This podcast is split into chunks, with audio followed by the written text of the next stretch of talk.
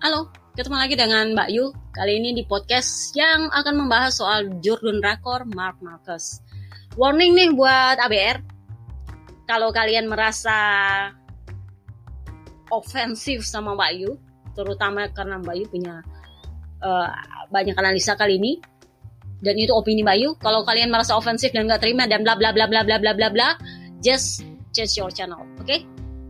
Ini bukan buat kalian, ini bukan buat fans yang mau ngatur-ngatur atau apa-apa terserah lu.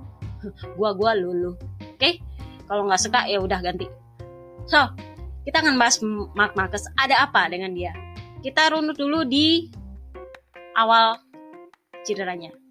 Heres 1 Heres 1 itu menurut Bayu memang nggak parah. Dari dia jatuh Bayu udah bilang minggu depan dia pasti nongol dia cuma oh gitu aja sih. Apa sih dibilang? Itu Mayo bilang rakor pura-pura aja. Nah waktu itu minggu setelah balapan dibilang oh dia patah tulang. Dia langsung ke dokter Mir hari Seninnya operasi. Waktu itu keluar ronson yang patahnya banyak banget gitu. Menurut Mayu nggak sepatah itu. Patahnya itu cuma dua gitu dan plat yang dipasang itu sebenarnya pendek teman-teman itu uh, sebenarnya perlunya satu minggu doang sih sebenarnya. Tapi Mbak Yu udah tahu nih otaknya ini satu. Pasti nongol nih minggu depan. Bener kan? Di RS2 dia nongol hari Kamis. Hari ketiga tiga hari setelah operasi. Operasi Senin Selasa Rabu Kamis dia nongol. Sebenarnya kita nggak bisa salahkan uh, uh, sirkuit atau dia ke, dia membalap di Heres itu adalah akumulasi memang benar akumulasi dari tekanan kepada platnya jadi tekanan itu dimulai waktu dia waktu dia push up 40 kali di tim medis. Gue sih perlu supaya, supaya sebenarnya tim medis nggak kasih dia, nggak kasih dia uh, fitur right. Tapi dia kekeh, dia bilang ini udah nggak apa-apa kok. Kan medis sudah bilang itu baru tiga hari operasi, Mark nggak bisa. Dia bilang udah bisa kok, gini gini gini gini.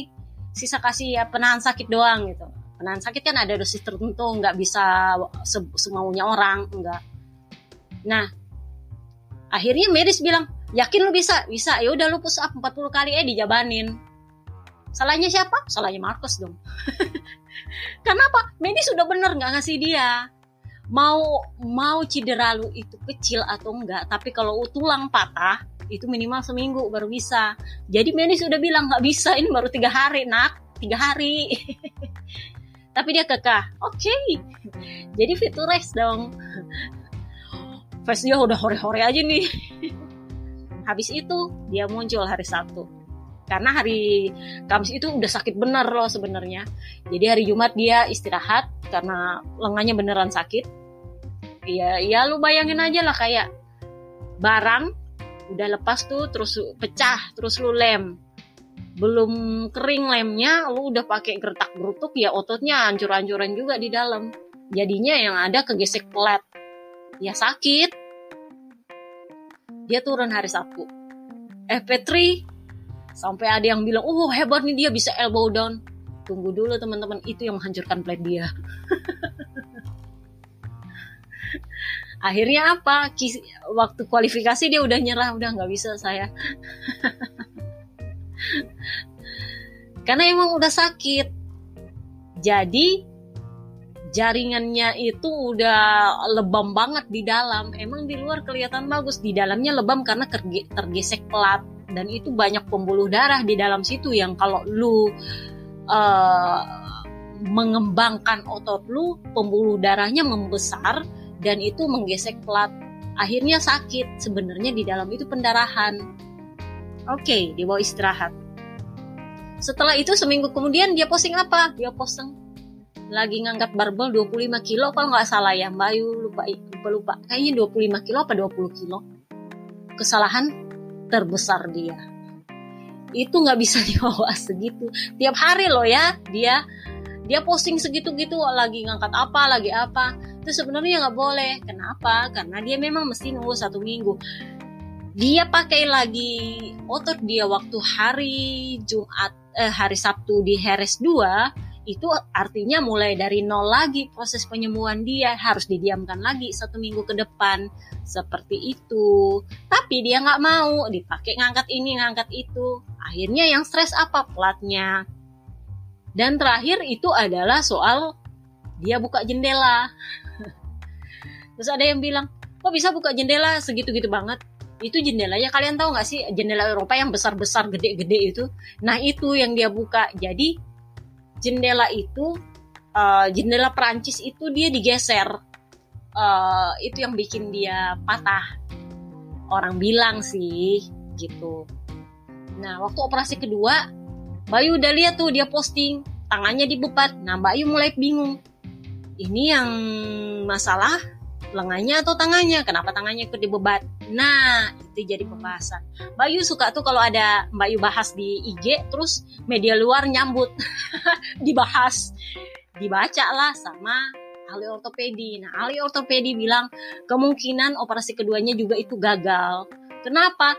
Karena dia dia sampai bebat di tangan.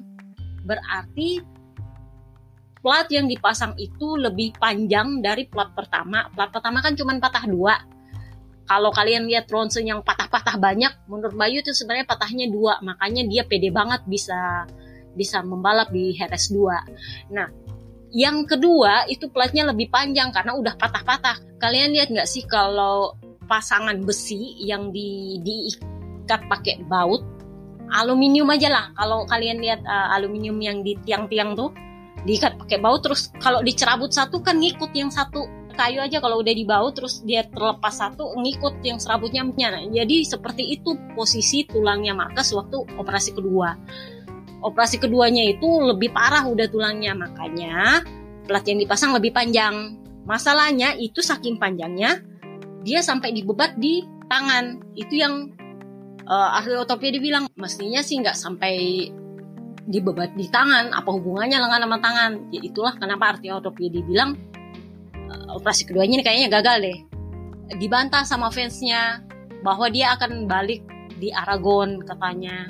Eh bukan di Aragon di Valencia apa ya? Bayu udah mulai eh, gimana ya? Ini kok kayaknya ada yang disembunyikan. Jadi memang ada yang disembunyikan. Nah Honda melalui tweet sendiri mengakui bahwa dia kabarnya jadi sebenarnya memang Marcus udah bilang setelah operasi kedua itu loh ya teman-teman. Marcus udah bilang kayaknya ini lenganku ini nggak bisa sampai musim ini. Awal musim pun kayaknya saya nggak bisa buat winter test minimal itu nggak bisa. Dia udah bilang kenapa? Karena perkembangannya nggak bagus banget.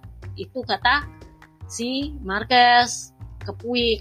Tapi ya Puig ini udah kayak dia udah mengakui sendiri sih dia bilang kami terus berharap dan berharap itulah kenapa kami tidak mengatakan sekaligus bahwa uh, Marcus tidak bisa diharapkan untuk hadir musim ini atau kami pikir dia baru bisa turun track tahun depan. Kami tidak pernah mengatakan itu karena kami berharap dan terus berharap semoga uh, program ini berjalan dengan baik dan dia bisa sembuh sesuai perkiraan, tapi ternyata penyembuhan yang berjalan itu lebih lambat dari yang kami perkirakan jauh lebih lambat. Itu kata Puik. Sorry, Mbak Yu nggak pernah posting ini di IG. Jadi, gue sih berhembus supaya ada sponsor di situ. Dia ini gajinya 15 juta euro. Emang sih udah dipotong, gaji dia udah dipotong kok teman-teman. Cuman udah dipotong pun nggak, masalahnya rider lain juga dipotong gajinya udah dipotong masih tetap ketinggian. Nah, itulah kenapa mereka tetap menjaga apa sih istilahnya prospek pasar. Uh, jangan sampai kalau misalnya Marcus dibilang tahun depan baru baru membalap itu otomatis menghilangkan prospek pasar. Bayu bisa bilang potensi pasarnya. Jadi sponsor nggak mau. Itulah kenapa kemarin tarik ulur Honda sama Repsol. Repsol udah gitu aja udah nggak mau itulah kenapa? Akhirnya mereka perpanjangan tapi cuma sampai 2022 jadi sebenarnya mereka sudah bilang kayaknya sampai awal musim gue nggak bisa. Cuman sepertinya itu nggak boleh nggak boleh sama Honda. Kenapa? Kalian lihat uh, Stefan Baldong udah bilang kayaknya saya akan gantikan Marquez sampai uh, akhir musim. Berarti sebenarnya Honda udah tahu dia bakal absen semusim tapi Honda nggak mau untuk strategi marketingnya. Itu soal strategi marketing. Tapi internal mereka sendiri mereka tahu Marcus nggak bakal hadir. Tapi demi menjaga media ya, perhatian media itulah kenapa mereka nggak akan bilang. Ya sebenarnya itulah cara mereka untuk menjaga perhatian tetap tertuju kepada Honda di tengah kondisi naik turun ridernya. Setelah itu muncullah isu operasi ketiga. Waktu itu media setempat di Spanyol sih yang bilang karena waktu itu dia konsultasi dia nggak bisa menggerakkan lengannya. Nah, itu kelihatan waktu adiknya podium dan dia nggak bisa ngangkat tangan, nggak bebas tangannya. Jadi ketahuan bahwa sebenarnya otot dia nggak justru udah nggak bisa dibuat angkat barbel gitu karena nggak bisa bergerak waktu isu itu keluar Marcus langsung posting dia foto angkat barbel Bayu udah bilang ini kayaknya buat drakor doang. Kenapa? Karena sebenarnya itu foto lama kayaknya. Dia sebenarnya aslinya ngangkat barbel pun nggak bisa. Dia cuma bisa menggerakkan jari nggak bisa ngangkat lengan. Kalian ngeh? Itu aslinya sebenarnya. Cuman disembunyiin aja. Waktu kalian lihat posting dia lagi uh, promo uh, gamenya Honda itu juga dia pakai lengan panjang. Kenapa? Karena memang uh, perban dia nggak boleh kelihatan sama. Halayak ramai itu lagi-lagi menyangkut marketing. So kemarin Bayu udah posting. Dia ketahuan turun dari mobil mau konsultasi operasi ketiga. Ada tuh ABR yang bilang itu kan foto pertama gini-gini. Nggak percaya banget lu tong. Itu video yang gue uh, screenshot karena gue nggak bisa posting video. Uh, itu ada hak ciptanya dan gue gak mau kena semprit FB jadi itu kondisi lengannya emang begitu. Itu kondisinya aslinya loh teman-teman ya. Itu udah parah banget sebenarnya. Lebih parah dari yang pertama. Akhirnya kan jadi kenyataan beberapa jam kemudian dibilang dia operasi ketiga. Gue nggak bohong dong. Jadi, operasi ketiga ini adalah kesempatan terakhir dia untuk apa sih dibilang merestorasi otot dia. Ganti plat, karena kemarin itu platnya nggak cocok sama dia, otot dia nggak mau nyatu. Sindrom kompartemen otot dia nggak mau nyatu gitu, semacam trauma mungkin ya karena waktu plat pertama udah hancur lebur itu di dalam. Kenapa nggak di nggak segera diberitahukan ke halayak ramai dia tunggu dulu gosip bahwa si Marcus ketahuan ke rumah sakit. Kalau enggak, enggak, enggak, enggak akan diumumin dia operasi ketiga. Akhirnya diumumin juga operasi ketiga setelah itu. Jadi inilah launch dia. Karena setelah operasi ini dia udah nggak bisa operasi lagi. Resmi cacat. Kalau emang dia cacat ya cacat aja gitu. Di kondisinya operasi kedua pun dia sebenarnya udah setengah cacat. Nah yang ini nih yang udah beneran cacat. Kalau dia masih gagal juga udah beneran cacat. Kenapa? Karena lengan dia itu udah full dengan lubang emang kopong kalian tahu gak sih tulang yang kopong tuh udah baret satu sisi karena isinya lubang baut semua nah itu udah nggak bisa kalau dia masih memaksa dia harus ganti tulang mana ada orang hidup mau donor tulang lengan coba lengan atas dia pakai tulang mayat nah itu nggak gampang juga pakai tulang mayat lukate Kayak gitu. Jadi kita lihat apa peluangnya setelah ini. Nah, menurut dokter, setelah operasi ketiga ini dia akan membutuhkan waktu minimal 6 bulan untuk uh, bisa kembali ke track. 3 bulan untuk penyembuhan uh, otot, istilahnya ototnya didiemin, dikasih lekat dulu tuh otot-ototnya ke tulangnya baik-baik lagi. Nanti tiga bulan berikutnya baru dia fisioterapi. Itu artinya dia akan melewatkan winter test dan 4 balapan. Tapi apakah dia akan turun setelah enam bulan? Nah, ini dia.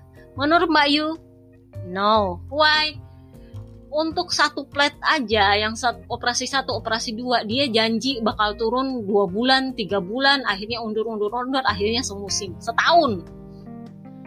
Nah sekarang kalau dia dengan caranya yang caper itu posting lagi ini, posting lagi itu, sementara waktu dia itu adalah untuk penyembuhan, bukan untuk fisioterapi, ya belum tentu juga dia bakal turun setelah 4 GP.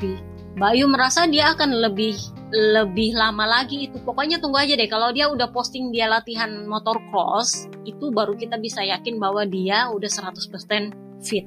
Kenapa? Kalian lihat aja Matia Fas ini. Itu sebenarnya kondisinya mirip-mirip juga sama sama Marcus. Cuman Matthew pas ini aja masih bisa ngecross.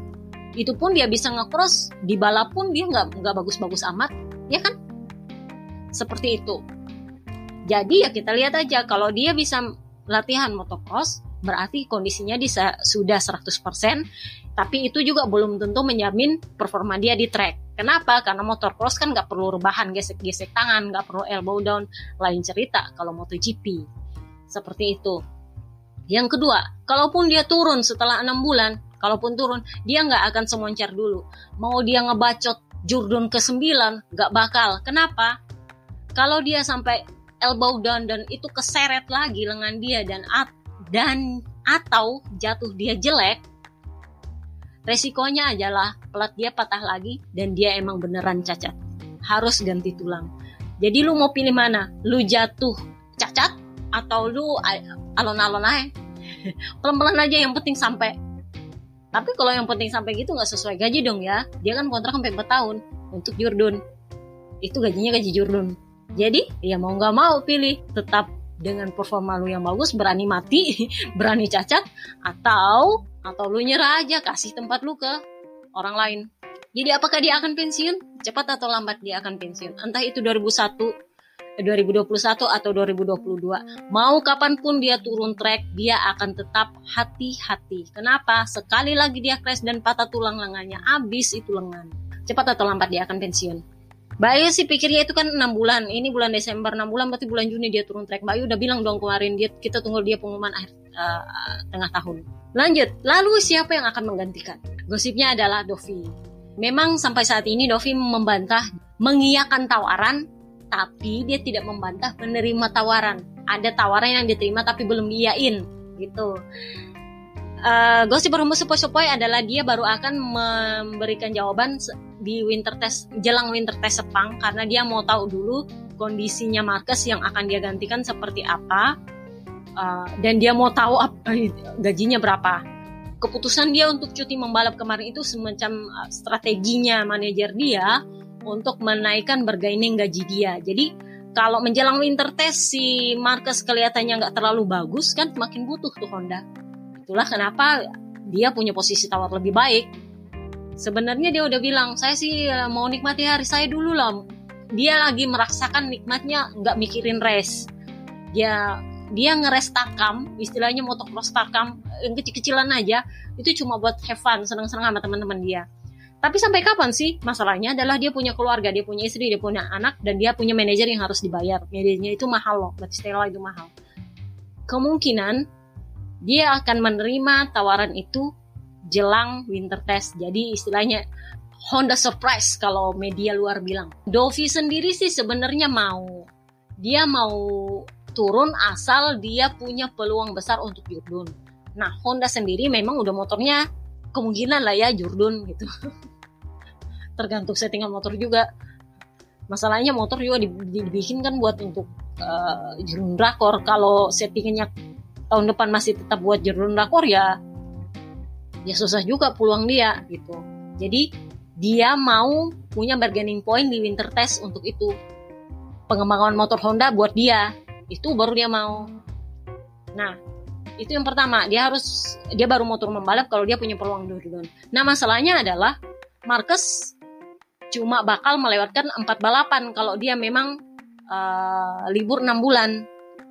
Nah, apakah uh, apakah Dovi mau? Ya belum tentu juga. Itu yang jadi masalah. Jadi, itulah kenapa dia akan baru akan memberi jawaban sebelum winter test untuk melihat kondisinya Marcus bagaimana, uh, bargaining gajinya bagaimana dan apakah dia bisa istilahnya bisa memegang pengembangan Honda buat Jurdun karena kan Honda tujuannya buat Jurdun dia juga tujuannya buat Jurdun jadi lu mestinya kasih motor Jurdun dong buat gue bukan buat Marcus gitu oke jadi itu aja. Kita udah bahas semua dari apa yang terjadi di awal cedera apa yang terjadi selama ini kenapa disembunyikan dan apa peluangnya di masa depan gimana dia potensi pensiun. Ya cepat atau lambat dia akan pensiun. Tanpa Jordan ke-9. Sorry to say. Sorry to say ya. Dia buat jatuh aja mikir sekarang. Lalu kalau bukan Novi siapa? Lorenzo. Udah, makin ngadi-ngadi. Oke, okay, see you next time guys. Bye bye.